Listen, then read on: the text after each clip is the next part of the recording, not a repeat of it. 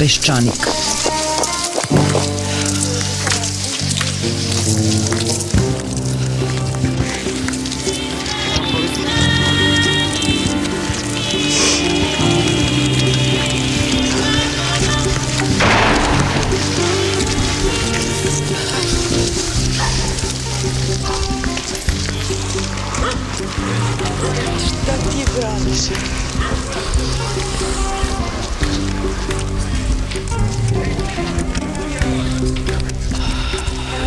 peščanik.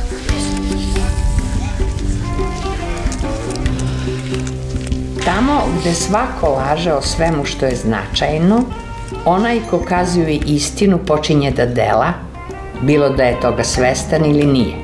Tako se i on upliče u političku delatnost, jer u slučaju da preživi što nije sigurno, on započinje promenu sveta. Ovo je prvi peščanik nove ere, odnosno prvi peščanik posle velikog nedeljnog praska ili tačke postanja. Nastalo je ono o čemu je govorio kralj Aleksandar kada je rekao postojim samo ja i moj narod i između nas niko. Između Aleksandra Vučića i naroda nema ni opozicije, ni nezavisnog suda, ni nezavisnih regulatornih tela, ni strukovnih udruženja, ni sindikata, ni civilnog sektora. Sami na prestolu nema čak ni kraljicu, nema ni prvog potpredsednika. Tražio je sve i u nedelju je dobio sve. Međutim, nedeljna žurka je završena i sada počinje radna nedelja. O današnjoj emisiji o rezultatima izbora, odnosno o posledicama koje ne mogu imati po zemlju i sve nas, u današnjoj emisiji govore Vladimir Gligorov i Vesna Pešić. Gospodin Gligorov, kao što verovatno znate, živi u Beču i zbog toga smo ovaj razgovor morali da obavimo telefonom međutim nismo hteli da propustimo da čujemo njegovo mišljenje o ovako važnom događaju. Dakle, najpre slušajte Vladimira Gligorova, a potom gospođu Vesnu Bežić. Uglavnom se dogodilo to da je, je na jednoj strani napredna stranka praktično dobila puni mandat, na drugoj strani ovi koji su nudili alternativne programe u meri u kojoj uopšte se moglo prepoznati o kojim programima je reč, oni su prošli gore nego što se moglo očekivati ili što se predviđalo, to se pre svega odnosi na ovu demokratsku stranku Srbije kojoj je praktično izglasano potpuno nepoverenje, što znači da ta taj program koji su oni nudili nema nikakvog smisla. S druge strane, ovi koji su u zadnji čas rešili da budu e, socijaldemokrate, takozvane demokratske stranke koje su nekako otkrile da ako bi se predstavili kao prijatelji socijalne pravde, da će onda narod jedan put da glasa ponovo za njih. To se pokazalo kao potpuno besmisleno, naprosto zbog toga što prvo taj program im ne stoji, što bi se reklo, ne liči im, a drugo, oni su naravno rešili da se međusobno i posvađaju, jer je potrebno podeliti to nešto što je od demokratske stranke što je preostalo i tako da je to sve u tom nekom smislu očekivano. To je znači prvo. Drugo je ovo što se govori govori o tome da je ovo sad u stvari mandat e, ili pobeda Vučića. Ja to tako ne vidim. Ja mislim da je ovo s jedne strane obezbeđenje legitimnosti dveju vrlo važnih stvari, a to je jedna normalizacija odnosa sa Kosovom i generalno u regionu i drugo ova proeuropska e, orijentacija, to je nezavisno od e, Vučića i od napredne stranke i to je mislim izuzetno važno da se istakne jer zapravo to je nešto što bi sada trebalo da obavezuje ovu vladu kako god ona na kraju bude izgledala i koliko god eventualno u nekom trenutku bila htela da se iz toga izvuče ili da promeni prava. To je po mom mišljenju jako važno. Jel? Druga stvar koja je sada tu važna je da to je ovo kako da se tumači ova prevelika, neočekivano velika podrška napredne stranke. To je zbog toga što glasači i javnost očekuju da se konačno nešto i uradi jer je do sada uvek bilo priče da smeta jedan ili drugi mali partner ili to je neka koalicija pa mora sve da se usaglasi i tako dalje. Sve to vidi se da nije od ključnog značaja. Ključnog značaja je to da je sada glasačko telo reklo vi imate puni mandat da nešto uradite. To nije nikakva posebna podrška samom jeli, budućem predsjedniku vlade, nego prosto je to jedna, po mom mišljenju, racionalna odluka glasača da se dozvoli ili da se preda mandat nekome ko bi onda mogao ili trebalo nešto da uradi. E sad, druga je tema šta su ova gospoda i koji će da preuzmu vlast, odnosno koji će da uđu u vladu, šta su oni sposobni ili spremni da urade. To je ono što se u ovom trenutku ne zna. Jedna stvar koja deluje delimično, da tako kažem, rasvetljavajuće jeste to što se nagoveštava rebalans budžeta i to u kontekstu sporazuma sa Međunarodnim monetarnim fondom. Ukoliko je to tačno, onda mi možemo da predvidimo manje više kako će izgledati taj eh, program koji će biti dogovoren sa Međunarodnim monetarnim fondom, jer to to nije nepoznanica, nije nepoznato šta će MMF tražiti. Prvo, svi ovi reformski predlozi koji su dolazili od Saša Radulovića u jednoj ili drugoj formi, a možda čak i u zaoštrenijoj formi će biti deo tog paketa mera, znači prvo zakon o radu, potom zakon o stečaju, potom zakon o konkurenciji, potom sve ovo što je vezano za e, reformu socijalnog sistema i tako redom, uključujući naravno i sve ove poznate mere vezane za smanjenje javne potrošnje. Tu je bilo reči o penzijskom sistemu koji se navodno neće dirati, to je nemoguće, tako da jasno je da je na jedan ili drugi način će do toga doći. Druga stvar je ovo što se najavljivalo za kada je reč o promeni ustava, to mislim da je nešto što je sada svakako ukoliko se želi, a u kontekstu evropskih integracija to je neminovno, odnosno to je uslov daljeg napretka, ali i zbog toga što su se nagomilali ti problemi i sa Vojvodinom i sa Kosovom i sa svim onim drugim određenjima u Ustavu koji su tako napisani da zapravo ostavljaju odrešene ruke i izvršnoj vlasti i instrumentima izvršne vlasti, da ne kažem miliciji, policiji i tako redom, to će morati da se promeni. Tu sad većine ima više nego što je potrebno da do toga dođe.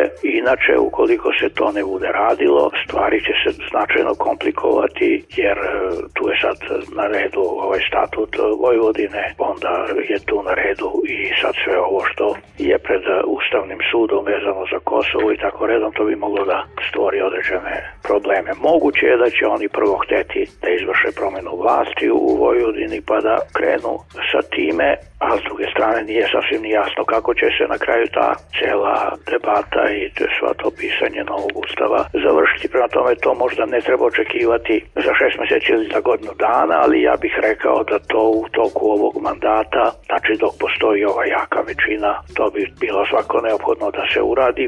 Ono što mislim ne treba očekivati, to su ove promene organe koje su vezane za odvajanje, što bi se reklo, države od privrede, da to tako pojednostavim, ili ta partijska kontrola nad svime onim čime država raspolaže, to nisu samo privredni resursi, nego i resursi sile i tako redom, to mislim da je ne bi trebalo očekivati da se promeni taj sistem klijentelizma će ostati jer je teško verovati da će stranka koja u krajnjoj stanci nema neku ozbiljniju kontrolu od neke opozicije da će ona biti spremna da se, da tako kažem, dobrovoljno odrekne svih tih jeli osvojenih resursa.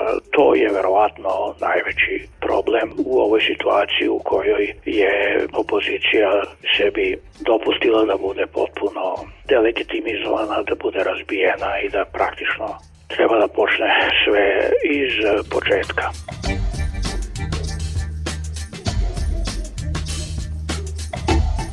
Ono što je meni bilo interesantno i što je, mislim, malo zapaženo jeste da se ovo sve događalo u kontekstu ove ukrajinske krize, da su neki ljudi očekivali da bi to, recimo, svi ovi koji su onda počeli da agituju za Ruse i ruske partije ili proruske, da tako kažem, glasače, da je to međutim potpuno poraženo na ovim izborima Pitanje je koliko će to imati uticaja i na položaj predsednika države koji još uvek održava bar tu taj neki privid ili taj neki imidž čoveka koji je u bliskim vezama sa Rusijom. Tako da to mi se čini da će biti nešto o čemu će Nikolić i njegovi saradnici morati da razmisle, jer ovo je verovatno bilo pogodnije vreme nego bilo koje drugo u poslednjih eh, deseta godina kada bi se moglo očekivati da ove stranke koje su euroskeptične i proruske da one prođu bolje, one su prošle katastrofalno i to je po mom mišljenju značajan signal svima u meri u kojoj naravno je to stabilno što u Srbiji nije nikada jasno, ali to su te stvari koje bi morale da se smatraju da su sada u osnovi legitimnosti vlasti u, u Srbiji, dakle evropska orijentacija, normalizacija odnosa sa svima susedima, uključujući Kosovom i ograničenje, da tako kažem, ili neoslanjanje na takozvanu rusku kartu. To ćemo videti i po tome, ovo poslednje, i po tome kako će se razrešiti svi ovi problemi vezani za Srbija gas, južni tok e, i tako redom. Ukoliko se to bude postavilo na, što bi se reklo, strogo komercijalnu osnovu, to bi bio veliki korak napred. Sretno sam na vašu e, ocenu zapravo da su birači dali pun mandat a, e, Srpskoj naprednoj stranci. Ima se utisak u stvari da na neki način i sam Vučić, a i glasači nekako igraju na babank. Znači, evo ti sve, evo ti pun e, mandat, a i on je to zapravo prihvatio tu vrstu sporazuma, čini mi se, sa biračima. Da vam kažem, to je naravno u jednom smislu dvosekli mač, S druge strane, ja bih to za razliku od one situacije kada ste vi imali takvu sličnu, da tako kažem, podršku Miloševiću, ali čiji je cilj bio agresivan. ovde vi imate podršku koja je uslovljena nastavkom ove politike koja je pobedila na izborima. Sad, to jeste u određenom smislu prekid sa prošlošću zbog toga što ne samo u Srbiji nego u velikom broju zemalja vi po pravilu imate koalicione vlade prosto zbog toga što glasači se boje eventualnih problema sa diskrecionim eh, odlučivanjem i sa autoritarizmom. Taj problem naravno uvek eh, postoji. S druge strane, svi su imali veoma ozbiljne primetbe na taj takozvani partokratski sistem, znači na sistem gde partije praktično na neki feudalan način, ako sam tako da kažem, vladaju, iz čega je uglavnom proizašao dosta rđav ne samo ekonomski rezultat, nego i socijalni, ako hoćete, u smislu oligarhijskog sistema koji je nastao i tako redom. Znači, ovo je sada prekid sa time. Naravno, ovo sve može e, da iziđe na rđavo u tom smislu ukoliko ovi koji su sada dobili mandat ne budu njega iskoristili za ono za šta je on očigledno dobijen. A to su ove stvari koje sam rekao. Znači, jedna ozbiljna reforma privrednog i ustavnog sistema plus nastavak tih e, evropskih integracija demokracija i normalizacija odnosa sa svima u susedstvu. E sad, na svakoj od ovih zadataka i na svakoj od ovih tačaka, naravno, stranka koja ima tako veliku većinu može da promeni mišljenje u tom smislu da može da se sastane u parlamentu, u skupštini i da izglasa nešto drugo, jel? Ali tu imate taj problem legitimnosti koji je dosta jasan bio, možete ga jasno videti, na u Ukrajine gde je takve diskrecione promene posle relativno jasnog programskog mandata ne prolaze naročito dobro, jel?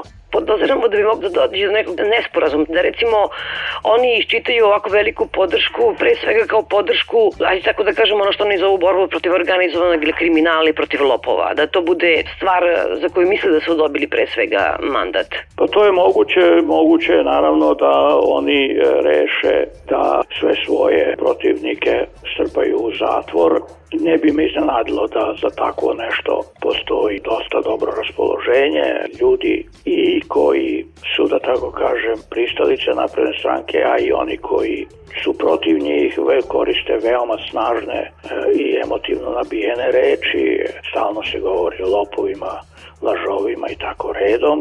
Sve to na kraju krajeva nije ni netačno, ali to naravno on podiže ta očekivanja da treba sa jeli, lažovima i lopovima ono što se sa lažovima i lopovima radi. Tako da taj mandat, nažalost, je možda čak i veći od e, ovog broja od 48-49%, tako da taj mandat može naravno se zloupotrebi i za to, to nema nikakve sumnje, ali ako se gleda to sa ove tačke, a to je da oni svejedno moraju da polože računa za to da li su nešto uradili kada je reči o zapošljavanju, kada je reči o privrednom napretku, kada je reč o investicijama i tako redom, To mi se čini da bi bilo dosta negativno za njih ako se imaju u obzir ovi ciljevi s obzirom da takve pravno nezasnovane ili demagoški oblikovane kampanje u osnovi koštaju mnogostruko jel?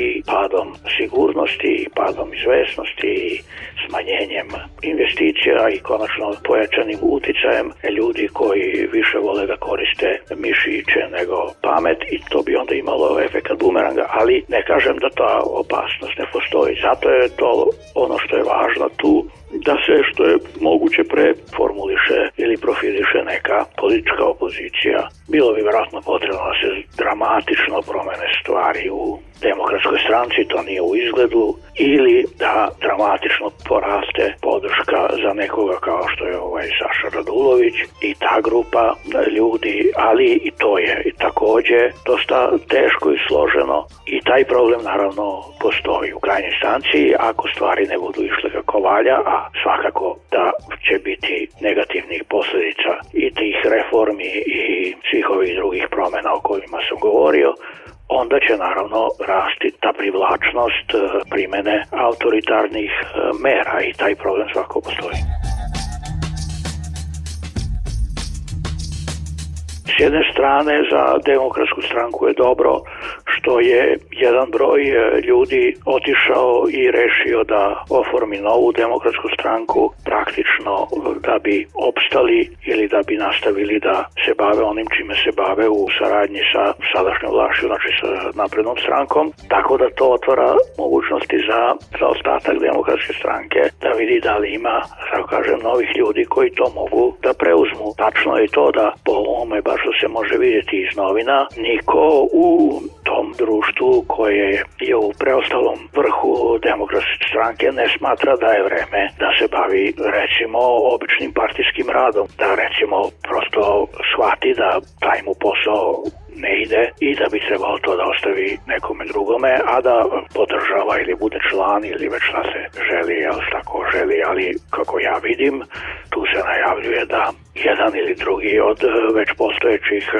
čelnika stranke namerava da stranku preuzme i to onda ni u programskom, ni ako hoćete u smislu političkog predstavljanja, ni u jednom ni u drugom smislu ne može da ima neki pozitivan ishod. Ako se ovako stvari nastave, ta stranka će prosto da nestane, kao što će nestati i Demokratska stranka Srbije, kao što će nestati i Liberalno-demokratska partija, jer vi naprosto partija mora da bude sposobna da proizvodi svoje nosioce ili, ako hoćete, lidere. Ako to nije u stanju, onda ta partija prosto nestaje sa na jedan ili drugi način.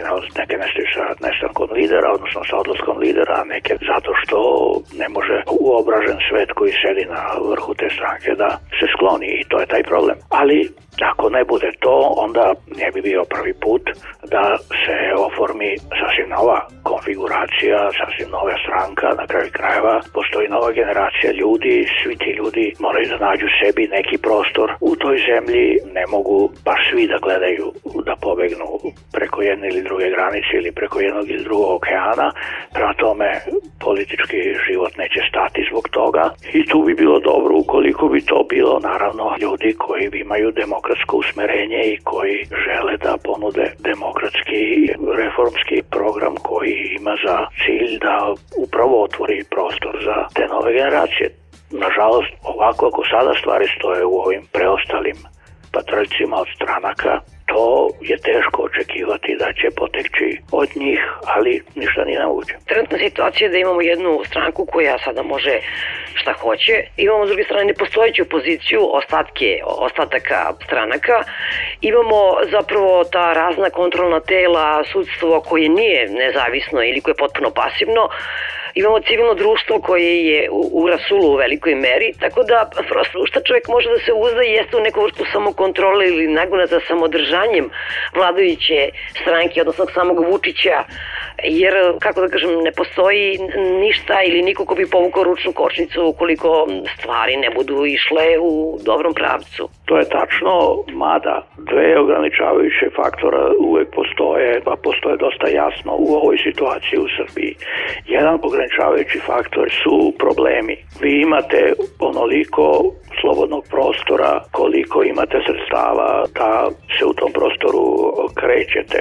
Sredstva sa kojima se u Srbiji trenutno raspolaže manje više za bilo šta su veoma, veoma ograničena i tu su sad ti dramatični problemi koji postoje kad je reč o zapošljavanju, to je nesumnjivo najveći problem, a onda i kad je reč o prosto održanju fiskalne i finansijske stabilnosti, da ne prosto dođe do opšteg bankrota, To su veoma, veoma ozbiljni ograničavajući e, faktori. Drugi je, po mom mišljenju, to pitanje legitimnosti, jer ovako kako ja to vidim, ova je stranka dobila mandat da te probleme rešava. Nije dobila mandat i teško da bi mogla da očekuje da će zadržati legitimnost ukoliko reši da nešto drugo radi i još više, da kažem, pogoršava stanje ili da se bavi samo zamazivanjem očiju. Da to kažem na ovaj način, ovo što je do sad rađeno ovih e, godinu i po dana, možda malo više, to baš što se tiče ovih kadrovskih premeštanja, rekonstrukcije i tako dalje, to više nije po mom mišljenju nešto što bi moglo da se koristi i dalje. Ono što je urađeno na planu europskih integracija i regionalne saradnje to obavezuje i vrlo je skupo od toga odustati. Tako da tu je taj prostor za, da kažem, nelegitimne akcije ili neočekivane diskrecione odluke relativno sužen. Naravno, to što neko ima taj stepen kontrole sada kao što ta stranka ima i kao što Vučić ima, to naravno zna da bude zavodljivo i može da odvede na različite strane dana i taj problem naravno uvek postoji, ali kao što sam rekao imate ta dva ograničenja sredstava, nema mnogo, problemi su veliki, način njihovog rešavanja nije baš mnogo stvar izbora, nema tu šta pretrano da se bira, to je jedno, a drugo, vi imate obaveze koje ste preuzeli za koje bi bilo dosta skupo i kod kuće i napolje da ih eh, prenebregnete. To međutim ne znači da će opoziciji biti lako ili da će građanskom društvu biti lako ili da će kritičarima biti lako. Mi ćemo naravno nastaviti da budemo u ovom posljednjem društvu. Naprotiv, Ja mislim da oni će svakako nastaviti da rade ovo što su radili već 20 godina, a to je prosto intimidacija, arogancija, nadvikivanje i tako redom i to jeste kontekst koji je vrlo neprijatan i nastavit će se, bojim se ovo što sam već rekao, a to je ta veza ili korišćenje tih sredstava bilo da je reč o privrednim ili da je reč o sredstvima sile, onako kako se to već decenijama radi kad se može u Srbiji. Tu je potrebna opozicija kao ograničavajući faktor, kao neko ko to može da suzbije ili ograniči ili to pozove na odgovornost, ali toga nažalost nema i tu ja vidim tu veliku opasnost. My one, all, all only one that can be enough. Can you give me just another for that one who got away? Don't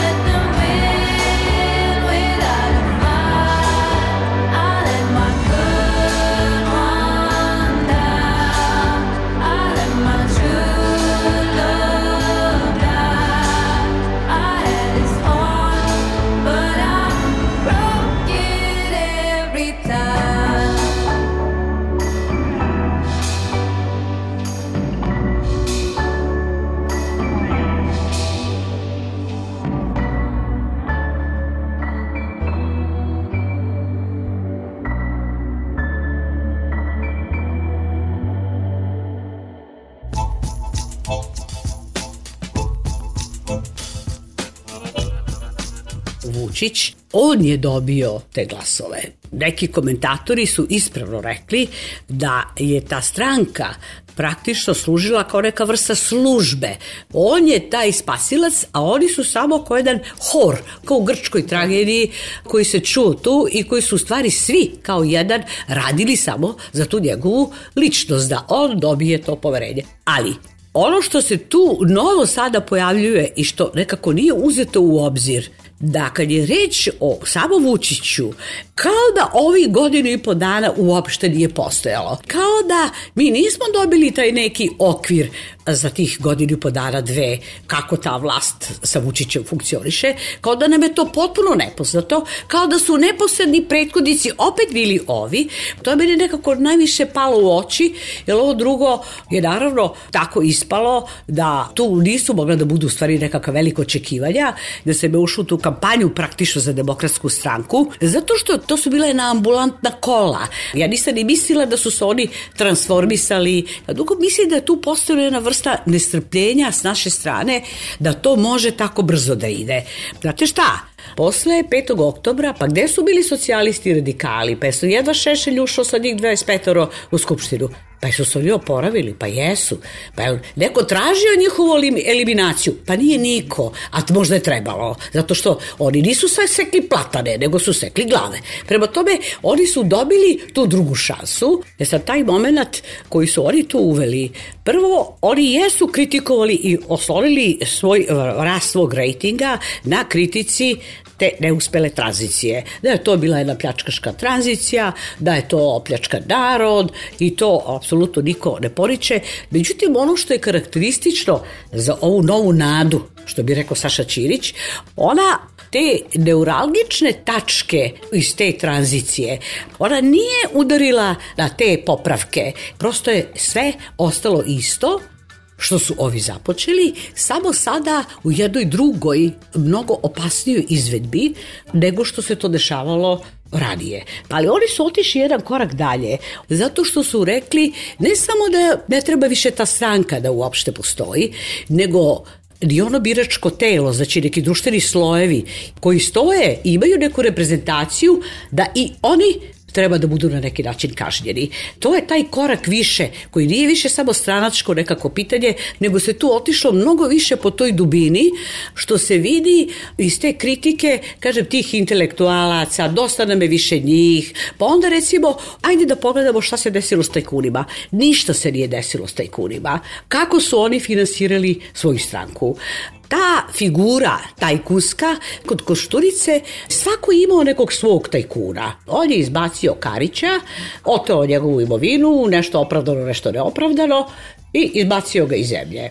Tadić je imao Subotića kao svog tajkuna, koga je takođe izbacio, stavio ga na potrnicu a Vučić je imao Miškovića. E sad, on je preko Miškovića i zaoštravanja tog klasnog resentimana konsolidovao svoje biračko telo. On je sada od one nacionalne, ekstremne retorike prešao na ovaj jedan socijalni, kako da kažem, klasni resortiman i tu da sada pokušaj da se unište i ti srednji slojevi. To se vidi pre svega na dva načina. Prvo, što je uveo taj porez, nije uveo taj kunima. Nijedan zakon nije donet na, da koji, na da bilo koji način ograničavaju kure. Neuralgična tačka naše partijskog sistema je to finansiranje stranaka. Tu ništa znači nisu pomerili, nego su naprotiv u potpunom zatamljenju, a sada čak nima nikoga ko će i da postavi to pitanje odakle vama tolike pare i koji su te tajkuni vas finansirali. Ta netransparentnost toga se u mnogo većoj meri uvećala nego što je bila. Znači, ta tajkunska priča je čista laž, jer su upravo oni su i bili potrebni da bi dobili psihološku vezu u svom biračkom telu, odnosno ti društveni slojevi su sada dobili neku vrstu nade da će on te opljačkane pare, on će im vratiti te narodne pare. E, Robin e, Hood. E, Robin Hood. On će sada vratiti to. On je tu napravio jedan psihološki zamajac koji je strahovito važan kad se dešavaju našto u izbornim kampanjama. Međutim, stranke i treba da predstavljaju određene društvene slojeve. I sada ja postavljam pitanje sa ovakvom metodom vladanja ko što je pojačanom represijom koju je uveo Vučić prema opoziciji, koju očigledno ne podnosi da ima bilo kakvu opoziciju, a tu tempira pre svega demokratsku stranku, jer to je jedini praktično njegov politički protivnik. Zato što tu postoje takođe nekakvi slojevi na koje su se oni oslonili. Znači, uništio je ove što su obrazovane, nametnuo je znači, profesorima i lekarima taj porez, a s druge strane, onaj osnovni sloj koji ti u stvari omogućava da se razgraniči privreda od politike. Znači, taj sloj je takođe bio sistematski uništavan i sada ovim najnovim merama. Oni nisu nametnuli nikakve poreze, znači velikim državnim preduzećima, a pokušali su da globe upravo one koji treba da predstavljaju osnovu samoga preduzetništva, da neki ljudi hoće da se organizuju, da skupe neki novac, da otvore neki biznis i da postanu na neki način nezavisni građani. Znači ti si totalno privilegovao nekakve slojeve, kune koje su uzao za sebe, ove neke radnike, trudbenike u samoj privredi koji su pokušali da tu nešto rade, ti si ih toliko oglobio, tako da si ti u stvari se umešao i u samu društvenu strukturu, tako da Mogućnost nezavisnog delovanja i utemeljenja jednakosti i slobode građana su tu pod udarom ne samo zato što su udarili na tu demokratsku stranku, nego zato što su se oni umešali i u tuđe biračko telo.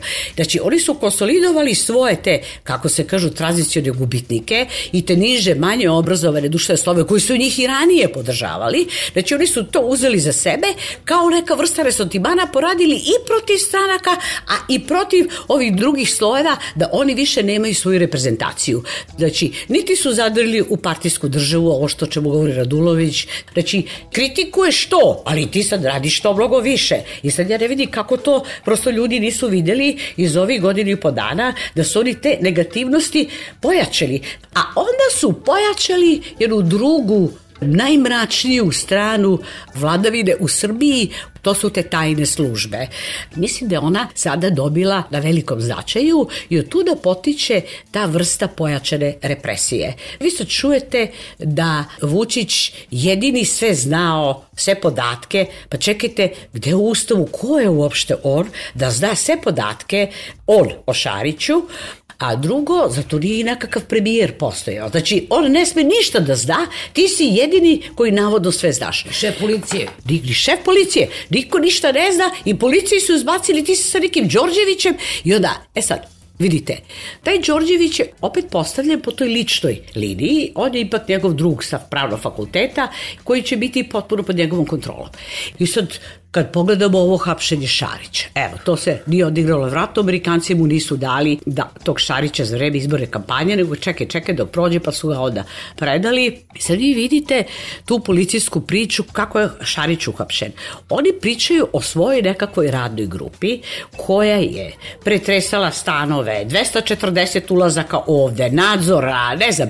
I sad vi dobijate utisak da je ta radna grupa koja je radila samo Bijaspol, a policija ništa, da je ta radna grupa pretrezala stane u Venecueli, u Dominikanskoj republici, usmeravao ih je ko opet sam Vučić. Gde može srpska policija da pretresa u Venecueli i Dominikanskoj republici? Kakva rada grupa i Đorđević može da funkcioniše? Mogu da funkcionišu kod nas i da, gde mogu oni da izađu? Ne mogu u Bugarskoj da došpiniraju, a kamo da oni love nekakve kriminalce po tuđim zemljama. Jedino ko ima globalnu policiju i zato su dobili naziv globalno policacija, to su Amerikanci. Znači da nas globalno prisluškuju, da globalno mogu da jure po Južnoj Americi, da jure bilo gde i ovoga Snowdena, kako to može? Pa to može samo oni. E sad, oni su uzeli i to, napisali tu priču kao da sve ta naša radna grupa to uradila. E sad, to udaranje u mozak ne potiče samo od Vučićeve patološke želje za tom slavom, nego da je to u stvari u Srbiji stalo standard tih službi da, da one to rade, a sad su one, kako da kažem, podivljale. Dobili su opšte javno priznanje da oni mogu da tuku po zdravom mozgu kako god im pade na pamet i da je u stvari Vučić njemu mu više čine zato što ponovo su dobili svog čoveka, odnosno njihovog.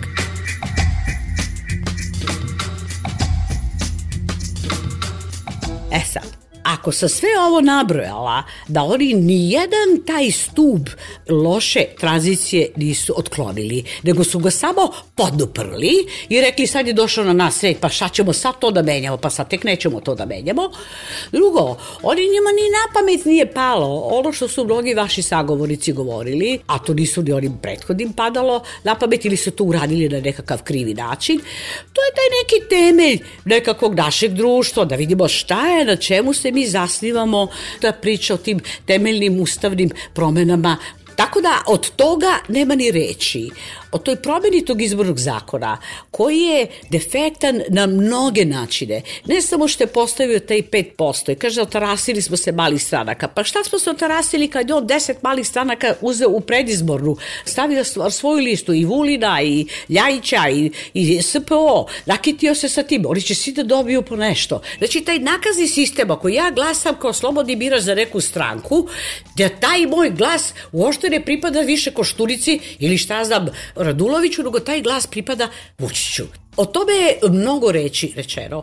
Ništa jednostavno to ne steže. Znači, bilo kakva strukturna, institucionalna, politička, ustavna, tajkunska, bilo koja promena, od koje prave od nas jedno potpuno disfunkcionalno društvo, jedno potpuno dezorijentisano društvo i to moram da kaže da i Radulović koristi jednu pogrešnu terminologiju kad kaže da je sistem parazitski. Ne, Mi nemamo sistem. Ne može paraziti da budu deo sistema. Sistem je srušen. Vi se vidite po tome kako raste sada kad se to sirobaštvo povećava, kako se samo podižu ograde normativnog sistema recimo prema tim jako siromašnim slojevima. Pa sada imate strašnu tu ekonomsku, kako se zove ta siva ekonomija.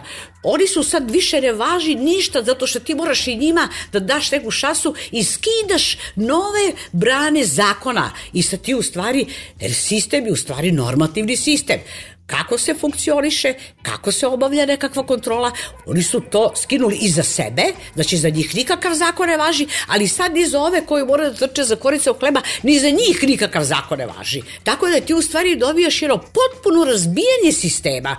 To je rasulo, znači taj sistem u rasulu i sad kako bi više tolevo, tako ti moraš još jednu prečagu tog zakonodavne te kontrole da skineš. I u pogledu hrani, u pogledu ovoga, crkotina, ovoga, mi svaki dan to čitamo, zato što ti moraš da daš šansu da ljudi prežive i samo skidaš bilo kakve kontrole i zabrane da ih pušta da rade šta hoće.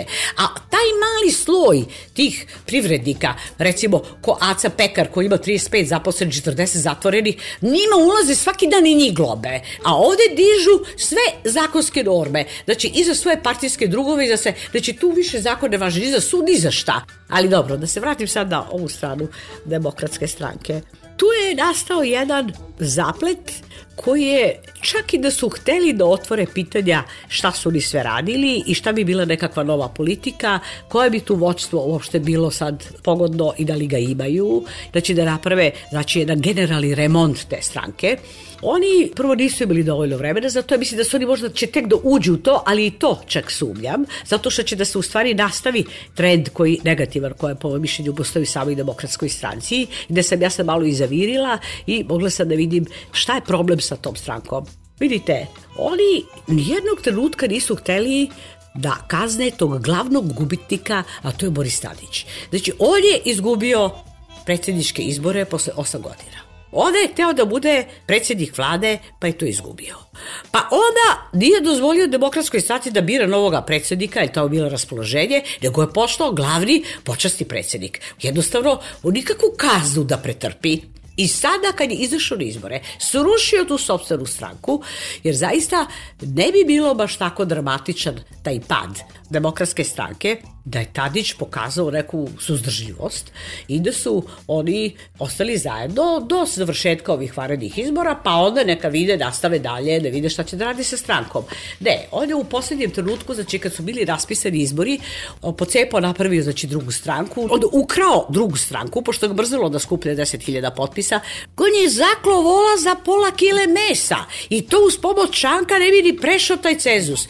Cela ta priča na ovoj drugoj strani i jeste što je on za sebe rekao ja ću da od onoga što izađe duzem da pola, a vama ću svima i onim iz naftalina i desnim strankama i građanskim strankama da ostavimo liki teren i da svi vi između sebe tučete i naroda tu nastala tuča i to je veoma dobro isplanirano i mislim da je možda Biljana Srbljanović dosta dobro rekla da je strategija bila ta da svaka ta stranka koja je imala nekakvu tradiciju, bez obzira kog je usmerenja, da je dobila svog tog dublera, a to sam ja uvek nazivala onim paralelnim organizacijama koje Stalin uvek pravio. Znači ti sada da kažeš aha, ova bi organizacija me nešto nasluša, sad će biti paralelno. To radi Putin sada, stalo dupliraju te organizacije, Oni su u stvari za svakog namestili dvojnika. Pa su su namestili Tadića, pa je Tadić rušio Đilasa, a onda je Radulović rušio LDP, a Dveri su srušile Koštunicu. Znači, svako je imao svog dvojnika ko će koga da sruši. Znači, to je bio jedan inženjering. Znači, oni su odklonili sve opozicione stranke preko toga što su ih sabili na jedan prostor i svako nametuli ko će da ga preseće u kolenu. I to se praktično i dogodilo. Kad je reč o demokratskoj stranci, ako se pogledaju malo bolje proceti, ja mislim da je demokratska stranka dobila ti 6% i spasa glavu na ramenima upravo zahvaljujući Đilasu. Znači ne zato što sad ja imam neku nameru da specijalno hvalim Đilasa, i zato što je ipak Beograd nije baš toliko popustio pred tom represijom i pred ovom navalom Aleksandra Vučića. Dobiti 16% u Beogradu, to je praktično rezultat koji njima omogućio da dobiju ti 6%. A onda ko je glavni takođe, pod znacima navoda, krivac za te izbore, ko nije isporučio glasove, to je Vojvodina. A sada kada je Vojvodina bila otvoreno napadnuta od strane Vučića, jer su im pravili one mitinge. Kako je to moguće da ti ljudi iz Vojvodine i Bojan Pajtić da demokratska stranka ne pređe cenzus u Vojvodini? Drugo, neki glasači demokratske stranke neće i da zaborave te mane što smo mi legitimno kritikovali. Mi ni od, to, od toga nemamo razloga da odustanemo. I zbog toga nisu izašli. A drugo, i zbog ovog velikog razošerenja, zato što je ona tako pocepana izašla na te izbore. Ta stranka je imala jednog šefa, Borisa Tadića, i jednu marketičku organizaciju ili dve. I tu ništa drugo nije bilo. questa idea da Stanca Predusece Ja mislim da je Đinjić pod tim mislio da treba da postoji u strankama takođe nekakva unutrašnja konkurencija koja će da izbacuje najtalentovanije ljude koji bi onda bili razmešteni i na državne ili na funkcije u demokratskoj stranci. Međutim, ono što je on gleda u Nemačkoj, znači sve što mi gledamo neke modele ili ponašanje u inostranstvu, kod nas to ništa ne uspeva. Socijaldemokrata je socijaldemokrata, njegova porodica je socijaldemokratska, on nikad neće, sem u nekim red rijetkim slučajevima, da pređe. Znači, oni imaju taj temelj o kome ja govorim. Ko što i naše društvo nema temelj, tako i ovde nestala svaka ideologija. Nema ideologije. Mi ćemo samo da popišemo probleme i rešavat ćemo probleme. A kako ti rešavaš probleme?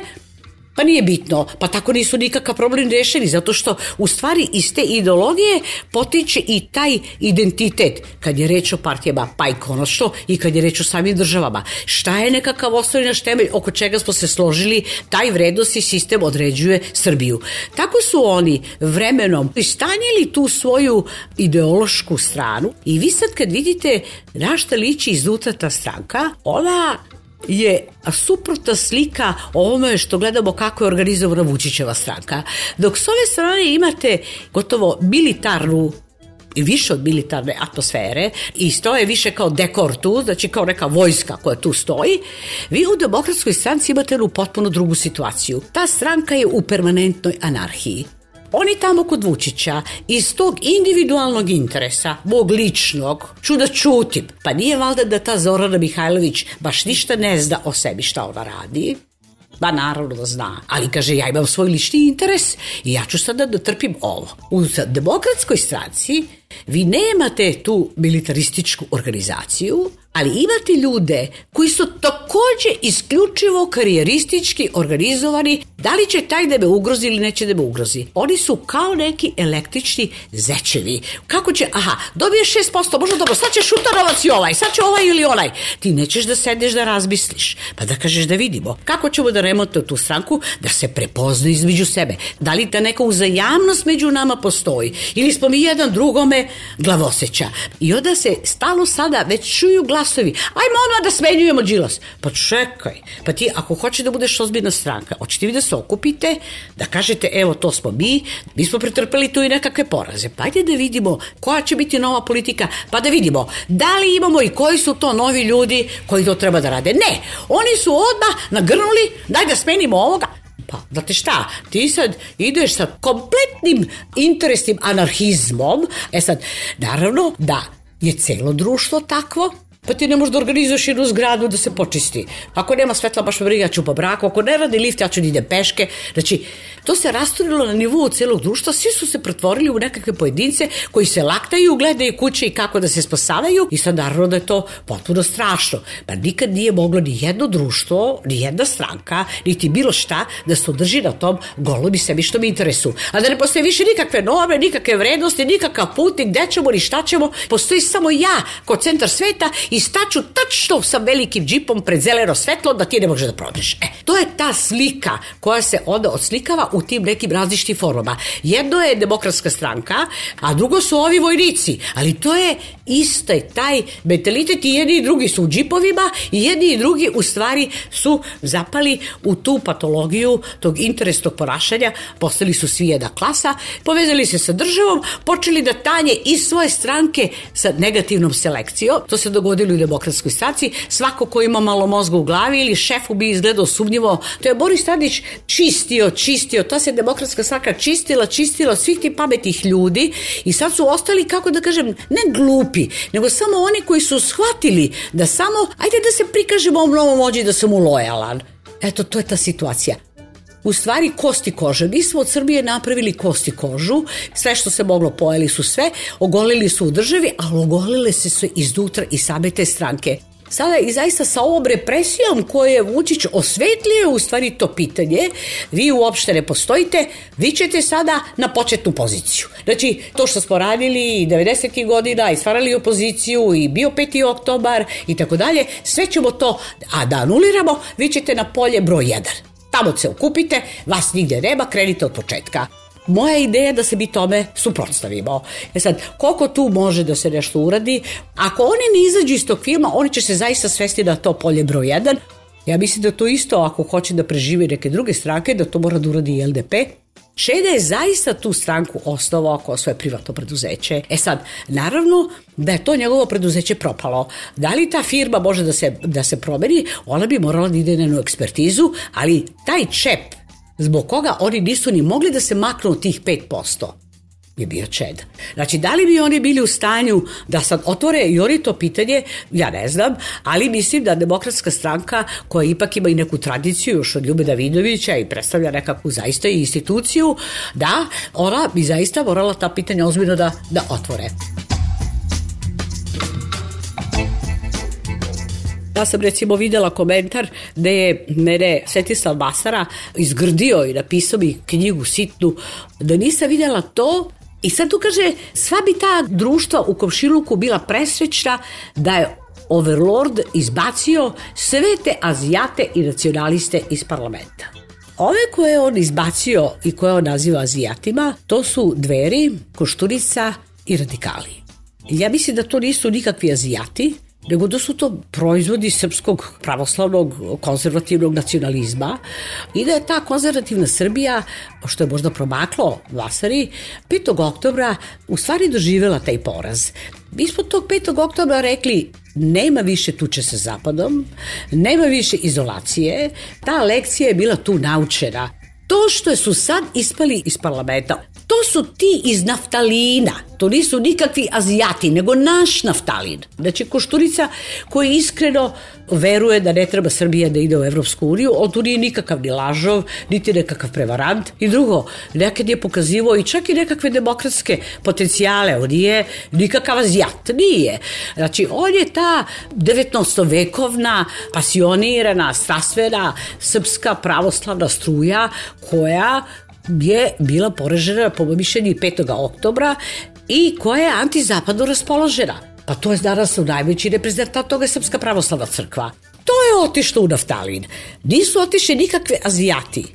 Ali, Basara, ovo što sam ja ispričala vama nije prepoznao da su Azijati dobili 50%. To koji se zasnivaju na tajkunsko, udbaškoj, to su naši Azijati. A ne ova, ovaj naftalin. Ali on čak u svojoj izjavi da je Overlord likvidirao samo Azijate i taj, što je kaže, srpski naftalin. Ne, on je likvidirao i ove neke koji su se nominalno i veoma žestoko pa ja mislim stvarno iskreno, pa i Čeda, ne mislim da je to lagao, koje su bile veoma proevropske stranke. Nije Dinkić bio antievropski. Znači, otišle su i, i naravno, ostavljene su glavni lider Evropske Srbije, to je demokratska stranka. Znači, taj deo je oslabljen, a azijatski deo u liku napredne stranke koja je pokupila radikalno telo i koja je pokupila taj sad policijski šljam i ološ oko sebe, to je sad Azija. Znači, mislim da mu ta argumentacija nije dobra. E sad, verovatno da je on pogrešio u toj proceni zato što ta nominalna izjava šta je ta Evropa više znači za Srbiju, to je sad postalo neko pitanje koje je nama nejasno. Šta znači to biti proevropski? Ja ne mogu da vidim da sem ovog spoljnog političkog elementa da Srbija da bi uopšte išla ka Evropi mora da ispovrti nekako to Kosovo svim silama. Čekali smo da će taj briselski sporazum, čekali smo da se dobiju ti pregovori i tu je napravljen izvestan prodor, ali to je više sada se vidi jedna zavesa koja se tu navukla Da oni ne mogu da idu na više taj politički nacionalizam, šta ćemo da osvajamo, šta ćemo da pripajamo, pokajali se odmah Karlog Mag, Virovitica i to, to su skinuli, ali Mnogima promiče, izuze moram da kažem neko ko je za to vrlo dobro i vrlo sistematski radi, a to je Saša Ilić, koji prati taj transfer političkog nacionalizma, da se taj nacionalizam sada transformiše u obrazovanje i u kulturu. I tu se pokušava, kako da kažem, sedimentirati, magacionirati, znači ti ubacuješ sada u mlade ljude tu mržnju i praviš, čak kako da kažem, i veću štetu, jer to je politički nacionalizam je uvek površan, bio poprošao. Znači, on se mnogo brže likvidira nego taj, kako da kažem, organski nacionalizam koji se poziva na te svetinje, na crkvu, na sve ono. Znači, ti se njega prebacuješ ovamo i naravno on može vrlo lako uvek da se i aktivira ako ti ustreba. A drugo, kako se ba rekla, sa ovom jačanjem koja je suština tog konzervativnog srpskog nacionalizma je ta udba. To je ta zeverenička strana koja se takođe tu gomila. Znači, sad smo proradili pojačavamo udbu i pojačavamo to u obrazovanju i kulturi. Znači, to gde uvek je bilo stacionirano, pa onda može posle komunizma da se pojavi Milošević i sve te magazine koji su puni toga da su odjedan po ti se komunisti transformišu i postanu da pod srpski nacionalisti. Pa zato što su oni magacionirani na tim mestima. Čim pusti srpsku pravoslavnu crkvu, ti si već pustio srpski nacionalizam. E, sad su oni to transformisali u obrazovanje, transformisali u kulturu i u udbu, koje su se dobili opet svog čoveka. Šta je sada tu proevropsko? ja moram da opet citiram sada iz jučerašnje diskusije Ivana Čolovića da se on setio Ratomira Đurđevića koji je rekao da mi idemo u Evropu, idemo da se školujemo kod vas, da kupujemo kod vas, da kupujemo mašine, da kupujemo ovo, idemo mi tamo, mi volimo da idemo u Evropu, ali Evropa kod nas nikad neće doći, nemojte slučajno da vam pada na pamet. Sad, on je to rekao u kontekstu ovih koji su rekli, da, da, da, bit ćemo da idemo ratamo, ali odande naovamo ništa. Znači, sada je priča ta da je odustajali od tog političkog nacionalizma, osvajačkih i ratnih pohoda. Kao to možda ćemo se svađati s Hrvatima i to ćemo se svađati, ali tamo u učionicama deca će da se svađaju oko toga. Znači, oni su sad to navukli kao nekakvu zavesu, kao otklon da će svi ambasadori da pričaju, pa dobro, nešto vam mediji baš nisu kako treba, pa čekajte, pa ko će da kaže, vratili su se i ti slonovi Mire Marković i Vulin, a šta je Željko Mitrović? tajkun koji je pretvorio jednu televiziju u Vučićevu televiziju. Zašto su oni sad po tim zaklonom? Onog momenta ako krenu da pisnu nešto i tražit će im naravno da pokušaju da ih hvataju da oni još nešto daju oko to Kosova, da vidimo gde će tu da stanu. A ovo iznutra, oni su se sada tom zavesom zaštitili, a iznutra Molim da Evropi ne pada na pamet. Ni da gleda u naš sud, niti koga bi gušimo porezima, niti to što mi ne volimo opoziciju, to ne dolazi u obzir, niti što će naša udba sad ovde da radi, I jednostavno oni kažu, oni ovde stići neće. Dokle ćemo mi tamo da doguramo, vidjet ćemo, ali ovamo stići neće. Ulazak u Europu znači u stvari evropeizaciju same Srbije, a ne da mi trčimo tamo, ili kao njihova rada snaga ili naši školovni ljudi idu grade kod njih. Pa to možemo Nego, i bez... Pa, pa to ih kotita 60. godina, cijeli ti gajste bateriji koji danas izdržavaju Srbiju, eno su danas šalju te doznake. Prema tome, znači mi možemo da idemo kod njih kada mu treba, ali oni nikako da nestaju kod nas. I svi smo se smejali na tog Bratomira Đurđevića, kaže, pa da. Znači, takvi su se proglasili proevropskim, oni nikada ovamo, a mi tamo dokle stignemo.